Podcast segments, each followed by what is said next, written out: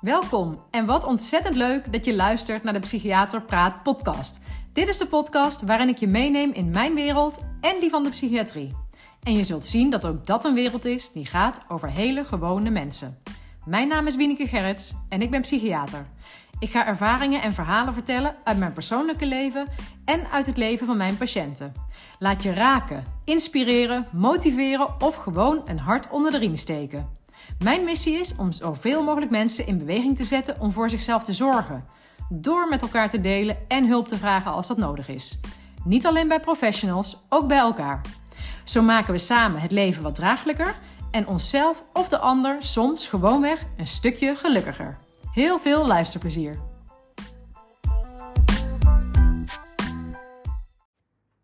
Hallo, je bent weer bij de Psychiater Praat podcast en daar ben ik hartstikke blij om. Dus heel erg welkom weer.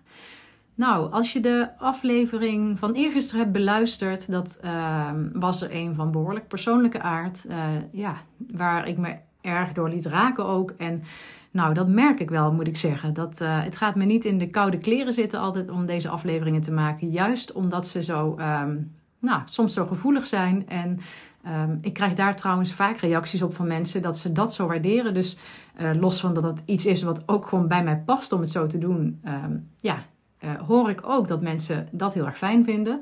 Dus dat is ook waarom ik uh, dat ook eergisteren zo gedaan heb. Maar ik merk het wel, moet ik zeggen, want um, je zult vast wel herkennen. Ik zeg altijd: emoties kosten energie. Ja, dat is voor mij echt een vanzelfsprekendheid ik ga er eigenlijk van uit uh, dat je dat herkent. Tenminste, ik, ja, ik denk dat iedereen dat wel weet, dat je heel vermoeid kunt raken van emoties. Uh, en dat heb ik ook na het maken van die aflevering eergisteren gemerkt. en uh, het houdt me gewoon heel erg bezig. En daarnaast um, heb ik van de persoon waar ik in die aflevering over vertel ook een reactie gekregen. En omdat het haar niet lukte om die um, bij de podcast te plaatsen, zei ze dat ik dat mocht doen. Dus ik heb ook eigenlijk met haar toestemming wil ik graag jullie nog laten horen wat zij erover zei toen ze de podcast had beluisterd. Um, ook omdat ik denk dat dat het verhaal net mooi rondmaakt. Want ik heb de aflevering natuurlijk vanuit mijn perspectief verteld. Hè. Dat was ook de insteek. Dat kon ik natuurlijk ook niet anders doen. Maar ik vind het wel heel mooi om haar reactie daarop um, met jullie te delen. Omdat, um, nou ja, jullie de meeste van jullie kennen deze persoon niet. Hè? Dus voor jullie ja, is dit niet iemand die je kent. Maar ik kan me gewoon heel goed voorstellen dat je ook met zo'n situatie te maken hebt of hebt gehad. Dus dat er ook heel veel herkenning is. En dan kan ik me ook voorstellen dat deze woorden van haar, die ik zo ga voorlezen, nou ja, misschien ook op een bepaalde manier wel geruststellend zijn of prettig zijn om te horen. Ze zegt: Lieve Wieneke, Um, als onderwerp van je podcast vind ik dat je het heel zorgvuldig en evenwichtig hebt gemaakt en verteld. Het is voor mij een nieuwe invalshoek om mee te krijgen wat het voor anderen betekent als ik doe zoals ik ben en eigenlijk ook wel ben zoals ik doe. Je vraagt je af of ik gefrustreerd ben door wat mij overkomt. Dat ben ik niet. Dat komt van binnenuit. Het is een feit waar ik, we mee moeten dealen. Het heeft niets te maken met oneerlijkheid. Het leven is niet eerlijk. Ik besteed daar inderdaad geen enkele energie aan. Wat ik fijn vond en toch ook opvallend was dat je zei dat jullie min of meer verplichting hebben om het groepje in leven te houden. Fijn, omdat ik daar dan aan heb bijgedragen. En opvallend, omdat het woord verplichting zo niet bij de trimhockey past. Mijn moeder zei altijd: meer dan je best kan je niet doen. Laat dat zo zijn. En verder is het heel fijn dat als je weet dat je doodgaat, je ineens veel intensere contacten hebt en maakt. De buitenkant doet er totaal niet meer toe. Ik wou dat ik dit eerder heb kunnen voelen. Het is echt heel bijzonder en fijn. Mijn leven is dan wel wat korter dan dat van de meeste mensen, maar het is het mooiste dat me is gegeven.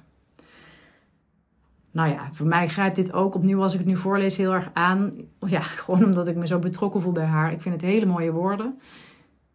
Ik vind het ook heel bijzonder hoe dat dus werkt. Um, dat je dan juist wanneer je weet dat je doodgaat, dat dan het contact met andere mensen anders wordt. En uh, ja, zij schrijft het eigenlijk ook dat ik me ook afvraag van, ah, hoe kan het toch dat we dat eigenlijk niet al gewoon eerder kunnen? Hè? Dat we dat, ja, niet eerder zo fijn en uh, op een bepaalde manier intens kunnen maken. Op een manier die we heel prettig vinden. Blijkbaar hoort dat een beetje bij ons mensen. Maar ik, um, nou ja, ik, vond het heel mooi om dit van haar terug te horen. En uh, ik hoop dat jij er ook nog ja, ook iets aan hebt. En nou ja, het is, deze aflevering van vandaag gaat niet over doodgaan. Gaat, nou, gaat daar niet over. Maar het is wel zo dat ik een beetje, beetje associërend weer bij een ander onderwerp uitkwam. Wat voor mij enigszins hiermee te maken heeft. En dat is eigenlijk juist het zijn van een naaste. En dan dus niet alleen maar een naaste van iemand die gaat overlijden, maar ook van een naaste van iemand die ziek wordt of die iets ergs meemaakt of die depressief is of die niet goed in zijn vel zit of waar iets mee is. Het maakt eigenlijk niet uit wat. Maar ja, het kan bijna niet anders dan dat we allemaal ook op een bepaald moment een naaste zijn. En soms ben je misschien wel mantelzorger hè, of heb je een bepaalde rol bij iemand. En ehm, ja, dit kwam eigenlijk ook omdat ik, nou, ik, ik heb dus uh, maandag die podcast opgenomen. En een dag later um, sprak ik een kennis van me. En in zijn, uh, um, hoe zeg je dat? Uh, schoonfamilie speelde zich ook een drama af. Ga ik helemaal niet nu uit de doeken doen, want daar gaat het eigenlijk niet over. Maar het was in ieder geval eigenlijk ook een, een grote bron van verdriet binnen zijn schoonfamilie. En hij zei zo van, nou, ik ik heb even mijn werk laten vallen en ik ga uh, zorgen uh, voor mijn partner en voor mijn familie. En een van mijn eerste reacties of vragen aan hem was van, um, en wie zorgt er voor jou? En dat komt denk ik ook omdat ik wel behoorlijk gepokt en gemazeld ben eigenlijk ja, door mijn werk en door mijn eigen ervaringen van de afgelopen jaren. Um, dan was ik wel niet zozeer een naaste. Ik was meer de hoofdpersoon waar het toen niet goed mee ging. Maar um, ik heb natuurlijk wel ook van dichtbij gezien wat dit uh, bij mij thuis, met mijn man deed bijvoorbeeld, of andere mensen om me heen.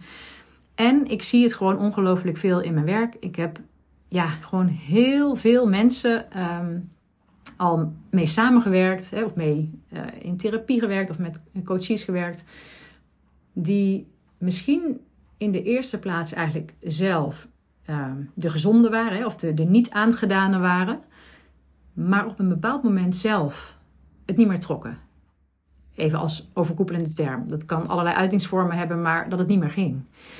En uh, dus dat is waar ik vandaag over wil hebben. Eigenlijk het zijn van die naaste of van die mantelzorger of die persoon in de buurt. Um, want wat er, wat, en natuurlijk zie ik een selectieve groep, want ik zie die personen die uh, het uiteindelijk zelf moeilijk krijgen. En dat geldt niet voor iedereen. Maar wat ik vaak zie is dat iemand die voor een ander gaat zorgen of voor een andere situatie of ergens inspringt, uh, ergens waar een probleem is, um, dat, uh, dat die vaak eigenlijk meer geeft dan dat hij kan. Dat is eigenlijk een hele harde uitspraak, maar dat is eigenlijk zeg maar toch wel heel plat gezegd waar het dan uiteindelijk op neerkomt. Want als er, nou ja, noem maar even iets, hè, dat als er bijvoorbeeld uh, je partner wordt ziek. En dan bedoel ik helemaal niet ongeneeslijk ziek, maar er is gewoon, het gaat minder goed met je partner, om wat voor reden dan ook. En die kan bepaalde taken die hij gewoonlijk wel deed, of het nou het huishouden was, of naar zijn werk gaan, of voor de kinderen zorgen, of iets anders, maakt eigenlijk niet uit, maar die kan bepaalde taken niet meer zelf uitvoeren. Dan ben je als partner bijvoorbeeld snel geneigd om in dat gat te springen.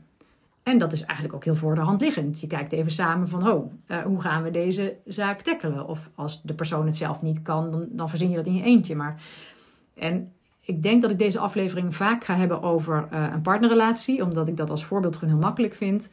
Maar het kan eigenlijk net zo goed zijn in bijvoorbeeld de relatie met jouw ouders. Als er misschien een ouder is die ziek wordt of waar iets mee aan de hand is. Uh, of ook in vriendschappen kan dit voorkomen, of huisgenoten of met een kind. Dus uh, weet dat je dat als ik het heb over uh, je partner of je man of je vrouw, of, dat je ook een ander persoon kunt visualiseren waarvoor dit misschien voor jou geldt of zou kunnen gelden. Wat je vaak ziet is dat degene die niet aangedaan is, zo noem ik het maar even, of de gezonde, ik moet, even, ik moet het maar een naam geven, dat die persoon gewoon wat harder gaat lopen. Die gaat wat opvangen. En dat is eigenlijk ook heel oké. En um, dat kunnen we eigenlijk ook allemaal wel een bepaalde periode volhouden. En voor iedereen is dat verschillend. En um, ook de mate waarin je harder kunt gaan lopen. ja, iedereen heeft zijn eigen draagkracht. En iedereen heeft ook al zijn eigen draaglast.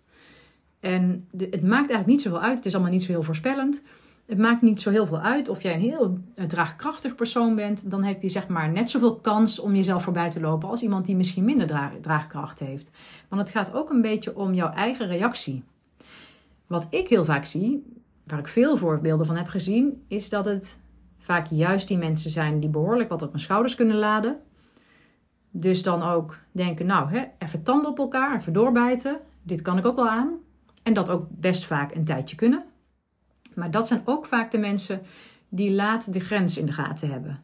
Dat ze een grens over zijn gegaan. En die grens is ook niet zwart-wit, dus het is ook hartstikke moeilijk. En daarnaast is iemand gaan verzorgen of bepaalde taken opvangen.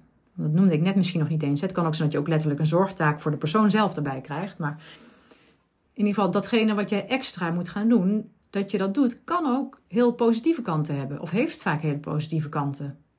Want ehm, het is vaak heel fijn om een ander te kunnen helpen. Dat geeft een goed gevoel. En ehm, het geeft vaak ook wel een gevoel van, uh, van zelfvertrouwen. Van hé, hey, dit kan ik. Capabel zijn, iets, iets kunnen, iets aankunnen. Dat, daar kun je, eigenlijk goed uh, door voelen. Dat kan je zelfvertrouwen laten groeien. Dus, um, en ook zeker als je het een, beetje gezamenlijk doet, kan het je ook samen heel trots maken dat, dat dingen lukken. Dus dat, het kan ook gewoon heel positief zijn om dit te doen. En um, ja, die grens, zoals ik net al zei, die is natuurlijk gewoon niet zo zwart-wit. Dus het, het, is ook logisch dat als er in jouw omgeving iets naars gebeurt, dat je bijvoorbeeld zelf ook even wat minder fijn voelt. Dat je ook misschien uh, verdriet hebt of uh, gefrustreerd bent of heel vermoeid bent. Of, hè, dus heel veel van dit soort uh, klachten of ja, minder lekker in je vel zitten, hoort daar ook een beetje bij. En wanneer is het nou mis? Nou, ik ga een paar dingen, een paar voorbeelden noemen waarop, waarvan ik zou zeggen van um, ga, ga er eens op letten. Sowieso eigenlijk, als je als er een verandering in jouw omgeving is, waardoor jij andere taken moet gaan doen of een tandje bij moet zetten, dat is eigenlijk al het moment dat je meteen voor jezelf moet besluiten van ik ga alert zijn op mezelf. Want het is misschien ook wel heel erg cliché, maar ik bedoel, als jij degene bent die het moet opvangen en jij redt het op een gegeven moment niet meer, dan is er nog een probleem. Dus waar je, um, waar je op kunt letten is um, bijvoorbeeld hoe je slaapt. Zeker als jij iets harder moet werken dan normaal of ander werk moet doen dan normaal, dan is het belangrijk om goed bij te komen en uit te rusten en weer te herstellen, hè, weer nieuwe energie op te doen voor de volgende dag. Dus ga erop letten of je goed slaapt. Natuurlijk kan het een keer zijn dat je, ja, dat je wat ligt te malen, of gewoon dat je door emoties moeilijker in slaap komt, of om andere redenen de slaap niet kan vatten of heel vroeg wakker bent. Maar als je merkt dat je structureel slechter slaapt, dan is dat een, eigenlijk een klein, of nou klein of groot, nou, hangt er eigenlijk vanaf, maar dat kan een alarmsignaaltje zijn. Um, een andere is ook, die noemde ik eigenlijk al als je heel erg gaat malen, maar als jij heel veel aan het piekeren bent, en dat hoeft dus niet alleen maar s'nachts te zijn, maar dat kan ook overdag zijn. Als je continu aan het piekeren bent over hoe het allemaal moet, of ja, als je wat um, nou ja, wanhopig is een heel zwaar woord. Hè? Maar als je echt denkt, oh jee, hoe moeten we dit allemaal geregeld krijgen? En als je daar heel veel stress van krijgt en heel erg door in je hoofd gaat zitten, uh, kan ook een signaal zijn dat je moet oppassen. Daarnaast kan het ook zijn dat je het merkt aan je eetlust. Want, uh, want eigenlijk zijn dit allemaal signalen. Het is niet, um, hoe zeg je dat? Het hoeft niet altijd dit te betekenen, maar dat zijn allemaal signalen die kunnen wijzen op dat er eigenlijk te veel stress is. En dat er meer stress is, is logisch, hè, past bij zo'n situatie.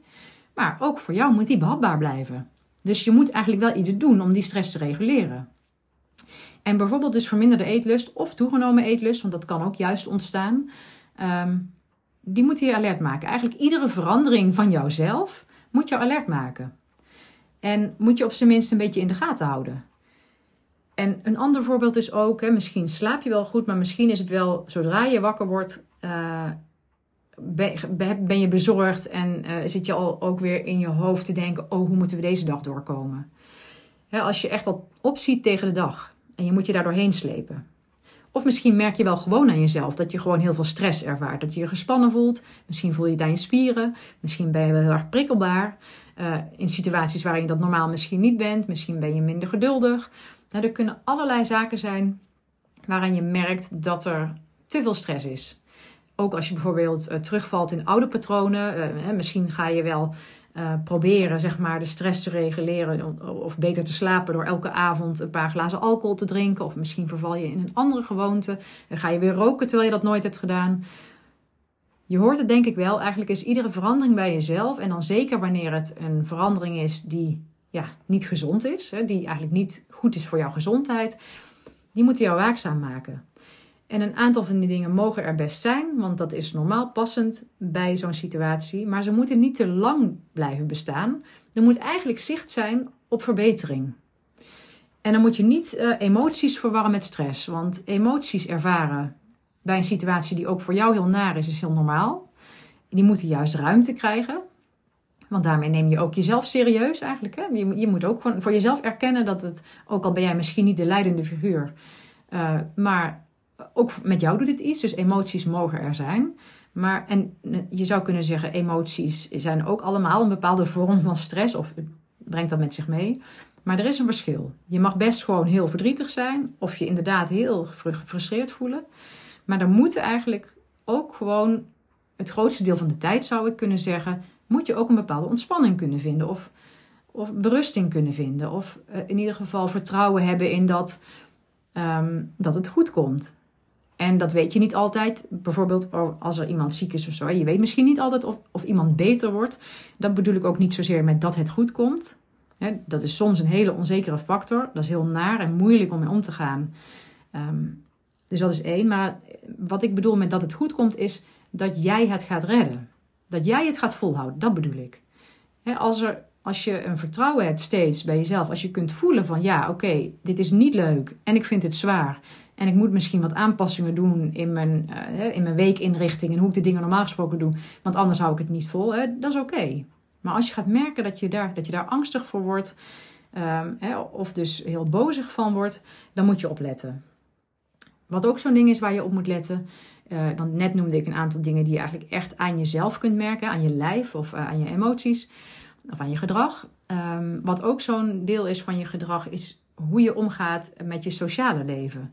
Want wat ik vaak zie, want ik heb daar veel voorbeelden van gezien, is dat als een partner denkt: Oh, ik moet mijn schouders eronder zetten, want en ik heb die ene baan die ik moet volhouden, en ik moet thuis wat harder lopen, um, dat uh, allerlei andere dingen geschrapt worden. En dat is niet op zichzelf fout. Dat is soms gewoon heel noodzakelijk. Soms moet je gewoon uh, in plaats van uh, ja, iets sociaals gaan doen, gaan sporten of, of, of, iets leuks gaan doen met vrienden, moet je misschien gewoon op dat moment uh, aan het zorgen zijn. Dat kan. Dus ook hier is het wel genuanceerd. Het betekent niet dat als je minder sociaal gaat doen dat dat fout is. Maar aan de andere kant moet je wel opletten dat het voor jou, gezien de omstandigheden, nog wel voldoende is. Want helemaal geen blootstelling aan je sociale omgeving is niet goed. En zeker wanneer je ook echt merkt dat je in je schulp gaat kruipen, dat je gaat terugtrekken, doet dat jou geen goed. Dus um, ik probeer met deze voorbeelden eigenlijk te laten zien van um, als jij, uh, als, als jouw dagen wat zwaarder worden door omstandigheden, hou jezelf een beetje in de gaten. Zowel op die lichamelijke dingen als in je eigen gedrag. En um, wat ik bijvoorbeeld vaak heb gezien, want ik zei net al, de mensen die ik zie zijn ook vaak de mensen geweest die eigenlijk juist, uh, eigenlijk over het algemeen al werden gezien als hele sterke personen. Um, om maar twee voorbeelden te, te noemen. Dat wordt even heel traditioneel verschil, maar ik kreeg laatst ook een reactie van iemand uh, met een vraag over man-vrouw verschillen. Uh, wat ik daarin heb gemerkt in mijn werk, dat gaat hier wel een beetje over. Um, er is overigens één op de vijf luisteraars van deze podcast is man, dus die zijn echt in de minderheid, maar ze zijn er wel. Uh, wat ik vaak zie als ik mannen in behandeling heb, of met ze samenwerk, die zeg maar dit hebben meegemaakt. Hè? Die eigenlijk bijvoorbeeld eigenlijk eerst zijn gaan dragen en het op een gegeven moment uh, zelf niet meer redden. Of zelf somber raken of burn-out of klachten krijgen. Dan zijn dat vaak mannen geweest die eigenlijk bijvoorbeeld behoorlijk ambitieus zijn, harde werkers zijn. Vaak mannen met best wel een carrière die dat ook belangrijk vinden en ook heel fijn vinden. En die dan als er bijvoorbeeld op het thuisfront iets aan de hand is, um, dat blijven doen. Hè? Dus blijven rennen voor hun baan of hun werk of hun bedrijf. En dat anderen erbij gaan doen. En dat gaat best eventjes goed, maar op den duur wordt het te veel.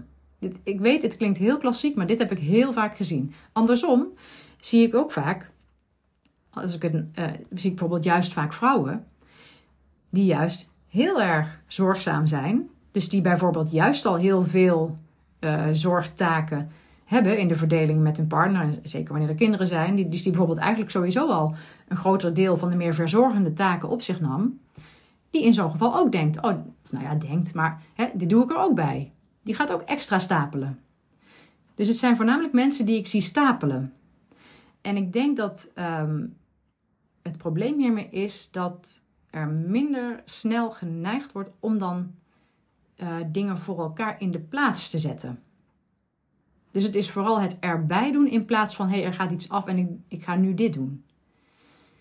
Het is niet altijd zo. Het hoeft niet zo klassiek te zijn. Het gebeurt ook heus wel eens andersom. En um, uh, ja, dus, maar dit, dit is gewoon wat ik vaak heb gezien. En um, wat ik ook bij mezelf herken en ook bij mijn man herken. Dus ik heb het ook nog persoonlijk ook nog um, wel, uh, ja, ook zo meegemaakt. Wat je kunt doen, is dus zelf op jezelf gaan letten in zo'n situatie. Maar een ander ding wat bijna niemand doet, wat heel vaak niet gebeurt, is je kunt ook je omgeving ernaar vragen. Je omgeving vragen om feedback te geven of een reactie te geven op wat ze aan jou zien. En dit is een hele moeilijke, heb ik uh, gezien. Uh, en ik denk dat dat tweeledig kan zijn. Eén is dat ik vaak zie dat mensen het zelf gênant of schaamtevol vinden als ze iets niet aankunnen. Als ze eigenlijk moeten zeggen: hé, hey, ik bereik ook mijn grens. Dat dat eigenlijk op zich naar de ander toe inderdaad soms schaamtevol kan zijn, maar ook naar zichzelf toe een soort van gevoel van falen geeft.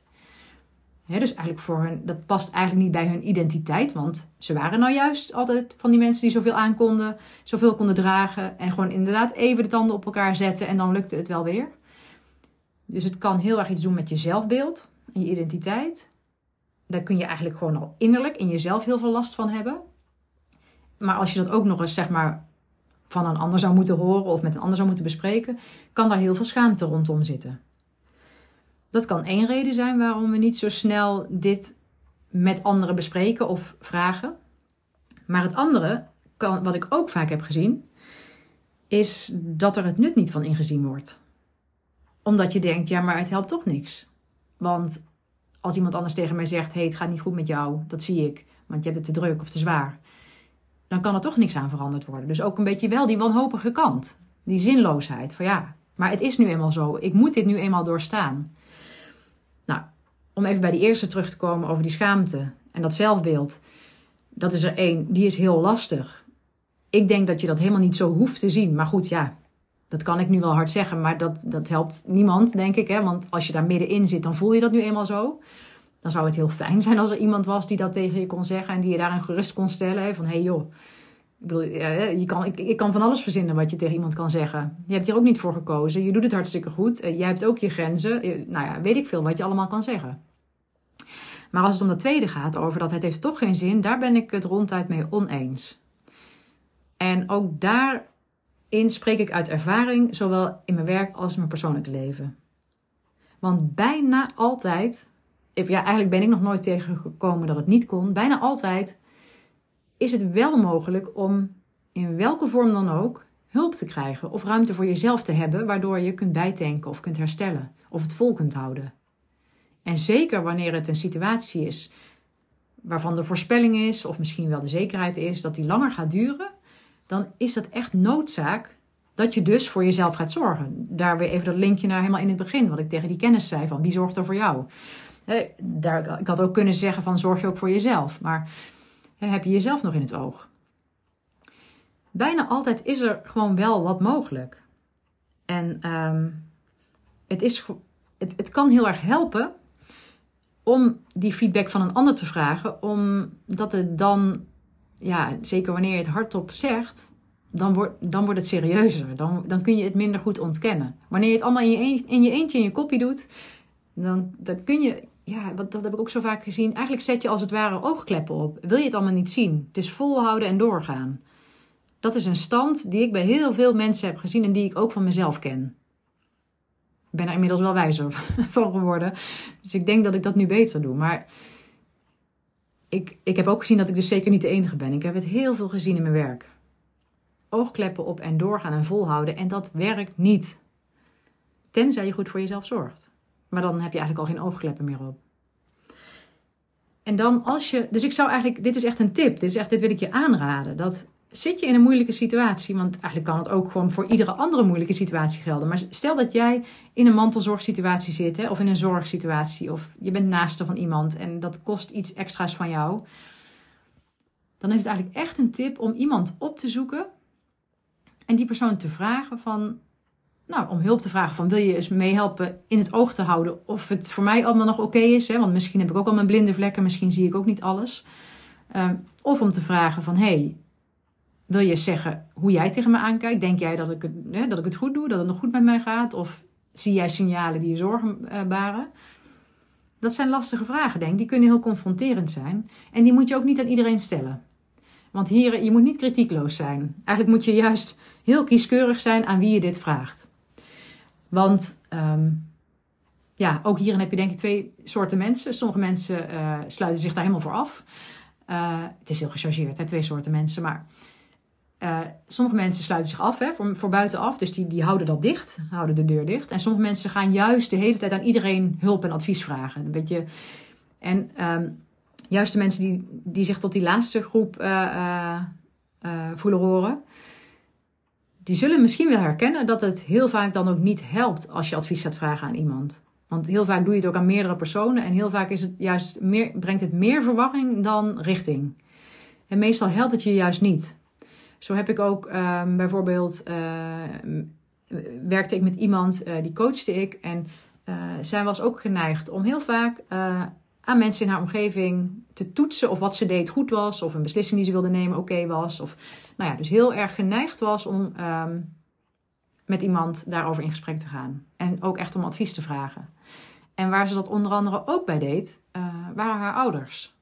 En daar had ze een hele fijne band mee. En het waren hele aardige ouders, uh, hè, zo volgens haar.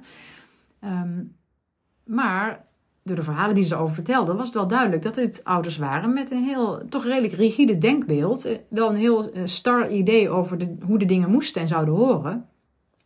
Terwijl eigenlijk juist in die coaching we wel constateerden dat zij anders in het leven stond. Ja, natuurlijk, als zij dan steeds te raden gaat bij haar ouders, dan eigenlijk kon ze ook al voorspellen wat de antwoorden zouden worden. En die waren vaak helemaal niet de, antwoorden die ze wilde horen. Maar uit gewoonte, omdat ze gewoon nooit anders had gedaan. En dit is een volwassen vrouw, hè, ouder dan ik. Maar uh, omdat ze gewoon niet anders gewend was om te doen, bleef ze dit doen. En natuurlijk heb ik haar niet verboden om, uh, dat, om bij haar ouders te raden te gaan. Maar we hebben dit wel besproken. Ik heb wel gezegd van, denk je dat dit voor jou nou helpend is? En dan kwam zij ook wel tot de conclusie van, nou, misschien wel niet. Dus dit als voorbeeld dat het wel belangrijk kan zijn om kritisch te kijken bij wie zou je zo, want het is ook je kwetsbaar opstellen. Tenminste, ik vind dat heel kwetsbaar als ik dat moet doen. Eigenlijk aan de ander vragen van, hoe vind jij dat ik het doe? Of hoe vind jij dat het met mij gaat? Dat is een vraag die we niet zo makkelijk aan elkaar stellen. Ook met beste vrienden onderling is dat niet zo'n heel voor de hand liggende vraag. En um, dus kies dan vooral iemand waarvan je, nou ja, ofwel weet dat je daar gewoon goede ervaringen mee hebt, dat je daar vertrouwd bij voelt, veilig bij voelt. En het fijnste is als het iemand is die niet zo snel oordelend is en niet zo snel invult van hoe het allemaal moet, maar die ook goed kan luisteren en jou goed kent. Uh, en um, misschien wel iemand waarvan je weet dat hij de vraag terug gaat kaatsen. Van hoe vind je zelf dat het gaat? Want feitelijk meestal, um, als je dit eigenlijk al in gedachten doet, dan weet je vaak het antwoord ook wel. Tenminste, want sowieso ben je zelf meestal degene die het beste weet hoe je in je vel zit. Dus zelfs als je het niet eens in de praktijk gaat brengen, kan deze toets, hè, om te bedenken aan wie zou ik dit vragen. En als ik de vraag terug zou krijgen, wat zou ik dan antwoorden, zou jou al kunnen helpen.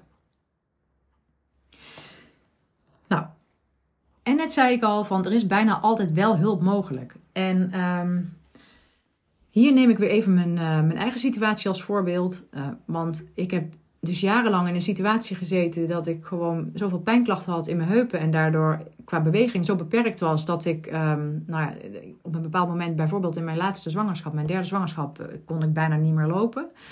Um, en ik dacht ook, ja, hoe gaan we dit, hoe gaan we dit fixen? En um, in mijn beleving deed ik wat ik kon. In mijn beleving deed mijn man wat hij kon. En we hadden verschillende mensen al. We, hadden opvang en zo voor onze twee kinderen. En uh, ik dacht gewoon, ik weet niet hoe dit moet. En toch heb ik op een gegeven moment hulp gevraagd. Uh, op dat moment bij mijn zusje. Eh, en zij is in die periode dat ik zwanger was, twee dagen per week bij ons in huis komen slapen. Uh, dat waren ook avonden dat mijn man volgens mij weg was of laat thuis kwam. Maar... En dan legde zij mijn twee kinderen in bed, onze twee kinderen. En s ochtends haalde zij ze uit bed en bracht ze naar de opvang. Nou, dat was een behoorlijke, nou, flinke uh, belasting voor. Hè? Ja, dat was veel gevraagd van haar. Heb ik met haar overlegd en dat wilde zij doen en dat was enorm waardevol. En daar ben ik echt nog steeds ja, oneindig dankbaar voor. Dus ja, dit, daarom, nu weet ik weer waarom ik ook dit voorbeeld wilde noemen. Omdat ik dacht, hulp is bijna altijd voorhanden. Um, is natuurlijk van verschillende factoren afhankelijk. Uh, soms kost hulp geld namelijk. Hè. Ik heb ook een tijd dus bijvoorbeeld extra kinderopvang geregeld. Ja, dat kost gewoon geld en niet iedereen heeft die middelen. Dus um, dat maakt ook nog uit of je, of je de middelen hebt om sommige dingen uit te besteden. Want je kunt ook denken aan uh, tijdelijk een schoonmaakhulp inhuren of naar de wasseret te gaan als je de was niet bij kan houden. Of uh, maaltijden besteld, noem maar wat. Hè, van die dingen die elke dag terugkomen. Als je die niet kunt bijbenen en als je het kunt, dan zou ik ook zeggen van doe dat soort dingen als het jou ontzorgt. Maar het kan soms ook gewoon kosteloos zijn. Meestal als je uh, dit bij vrienden of familie uh, vraagt of regelt, zeg maar, dan heel vaak kost dat geen geld. Mensen moeten natuurlijk ook nee durven zeggen als ze niet willen of kunnen, maar niet alles hoeft geld te kosten. En soms heb, kun je ook hulp vragen via veel meer een professionele weg. Als je zelf merkt van ja, oh, ik ga hier aan onderdoor, ik voel me gewoon heel slecht, of ik blijf maar malen, of ik voel wanhoop. Ik, nou ja, als je het gewoon niet weet, je kunt uh, bijna altijd naar je huisarts gaan en uh, voor zover ik weet, heeft iedere praktijk wel een ondersteuner waar die bijvoorbeeld ruimte heeft voor gesprekken. Of misschien kun je wel verwezen worden voor, hè, zonder dat jij een psychische stoornis hebt, maar wel naar een eerste lijns psycholoog die jou met ondersteunende gesprekken eh, of wat uh, nou ja, psychologische gespreksvoering zeg maar, kan helpen. Of misschien wil je wel, gaat het er niet zozeer om dat je hulp in huis krijgt of psychologische hulp, maar is het belangrijk dat jij ruimte krijgt um, om dingen te doen waarvan je weet dat die voor jou heel ontspannend werken. En dat je af en toe naar de sauna gaat, of een massage, of naar de haptotherapeut, of een boswandeling, of maar net wat voor jou goed werkt. En we zijn gewoon vaak niet zo geneigd, over het algemeen, veel mensen tenminste, om om hulp te vragen. Want soms heb je daar bijvoorbeeld dan juist een oppas voor nodig. Dan moet je om hulp vragen. Ik weet ook nog dat ik een keer, uh, ook in een tijd dat het, uh, nou ja, dat ik het dus niet breed had, zeg maar, uh, mentaal en met mijn lijf dat, um, dat de kerst eraan kwam en dat mijn man een, een, een, deel of een paar uur of zo tijdens de kerst moest werken. En dat ik twee weken van tevoren dat eigenlijk pas zag en dat ik helemaal in de kramp schoot. Omdat ik echt dacht, hoe kom ik die kerst door? Ik, ik zag het gewoon niet voor me, want toen had ik volgens mij dus drie kinderen. En ik dacht gewoon, ja, dit, dit, dit gaat gewoon niet. En tijdens kerst kun je nu helemaal niet de kinderopvang, uh, uh, die is niet open. En uh, alle vrienden en familie zitten bij andere vrienden en familie, zeg maar. Iedereen heeft plannen. Dus ik, ik raakte, nou, figuurlijk, niet echt, maar ik raakte bijna in paniek, zeg maar. Het vloog me zo aan dat ik dacht, help. En een week of twee of één week misschien van tevoren, toen uh, was ik met een paar vriendinnen bij elkaar. En uh, toen vertelde ik dit zo. En toen zei een vriendin van, joh, dan kom ik toch eerste kerstdag bij jou. En dat deed ze. En zij stond daar met de knutselspullen mijn jongens te vermaken. En ondertussen haalde ze nog even stofzuiger door de keuken zonder dat ik het gevraagd had. En zij had gewoon mijn kerst gered. Dat klinkt nu misschien heel eh, overdreven, maar nou ja, als je je een beetje kunt inleven in, uh, misschien ken je wel zo'n situatie dat je zelf ook moeilijk hebt gehad, dan is dat zo waardevol. En dan is het dus eigenlijk zoiets kleins wat iemand voor je doet. En zij zei, ach joh, ik hoef toch pas middags naar mijn familie toe, dus ik kan best ochtends komen. Vond ze totaal geen probleem.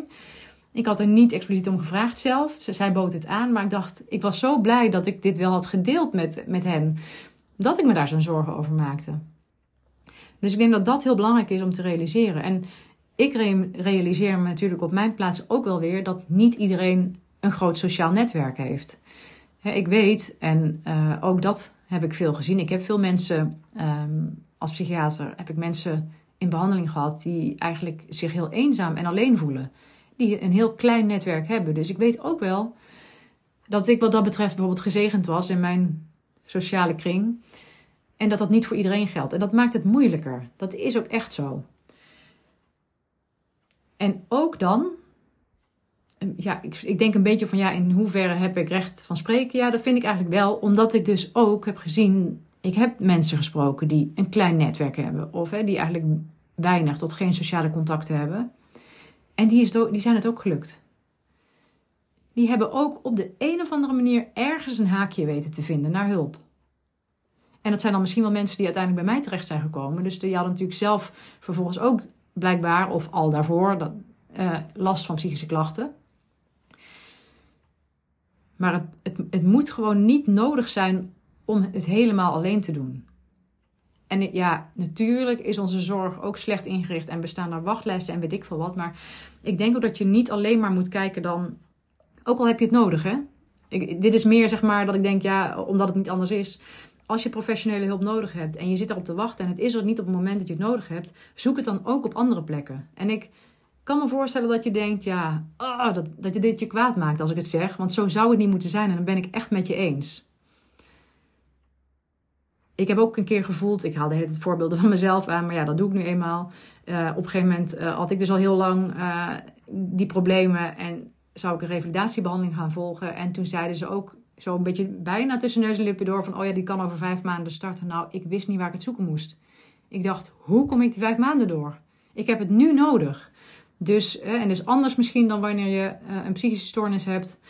Um, maar ik denk dat ik wel een beetje kan, een beetje kan meevoelen van hoe dat is. Dat is heel frustrerend.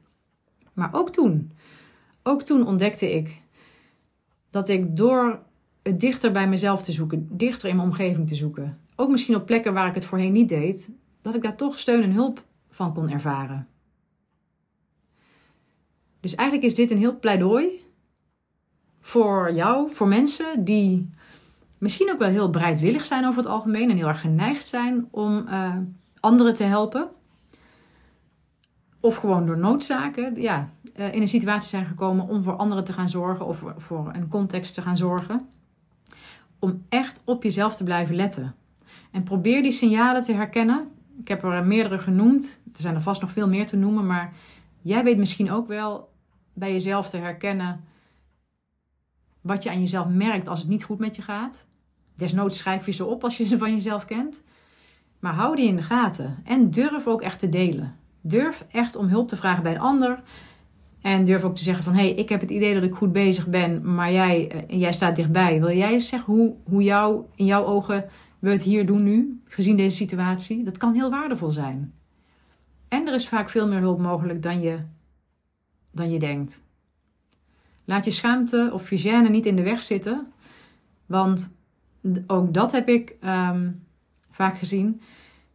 Dat zit meestal heel erg in iemand zelf, in iemand zijn eigen hoofd. Meestal vindt de omgeving het helemaal niet zwak of faalachtig dat je, dat je zegt: hé, hey, dit is mij wat te veel. Meestal is dat voor anderen een opluchting, want die hebben het al lang door. Nou, dit was hem. Ik hoop echt dat er iemand is die hier denkt: Oh, dit had ik nodig. Ik kan het me bijna niet anders voorstellen, want als ik even nu in mijn hoofd naga met de mensen die nu, waar ik in mijn praktijk nu mee aan het werken ben, dan zijn het bijna allemaal mensen die ook, waarbij eigenlijk de externe omgeving iets van hen heeft gevraagd, waardoor ze uiteindelijk op een bepaalde manier overvraagd zijn geraakt. En dat zijn vaak heel draagkrachtige mensen, maar los daarvan, daar zit eigenlijk geen oordeel aan. Maar het kan gewoon zo zijn dat situaties jou soms te veel worden. En dat, dat moet je juist erkennen. Want dan kom je eruit. Nou, laat dit een mooie afsluiter zijn. Heel erg bedankt weer voor het luisteren en tot de volgende.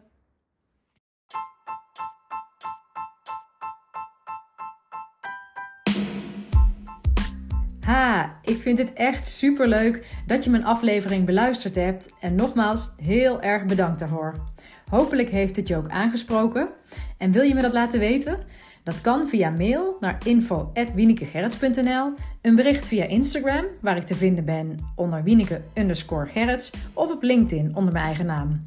Ik vind het heel leuk om ook jou beter te leren kennen en te weten wie er luistert. Jij kunt ook anderen inspireren door mij te taggen, bijvoorbeeld in je stories of je feed op Instagram. En wat jij van mij kunt doen, is in jouw podcast-app waar je deze beluistert een review achterlaten. Bijvoorbeeld een aantal sterren. Wil je dat doen? Zo kom ik erachter of en hoe mijn podcast gewaardeerd wordt en wordt hij beter vindbaar voor anderen. Overigens kun je je ook abonneren op deze podcast in je app. Hoe dat per app werkt, weet ik niet precies, maar vaak is er een knop subscribe, abonneren of volgen en dan krijg je automatisch een berichtje of in je app te zien als ik een nieuwe aflevering heb geplaatst. Maar nogmaals, super, super, super dank en tot de volgende!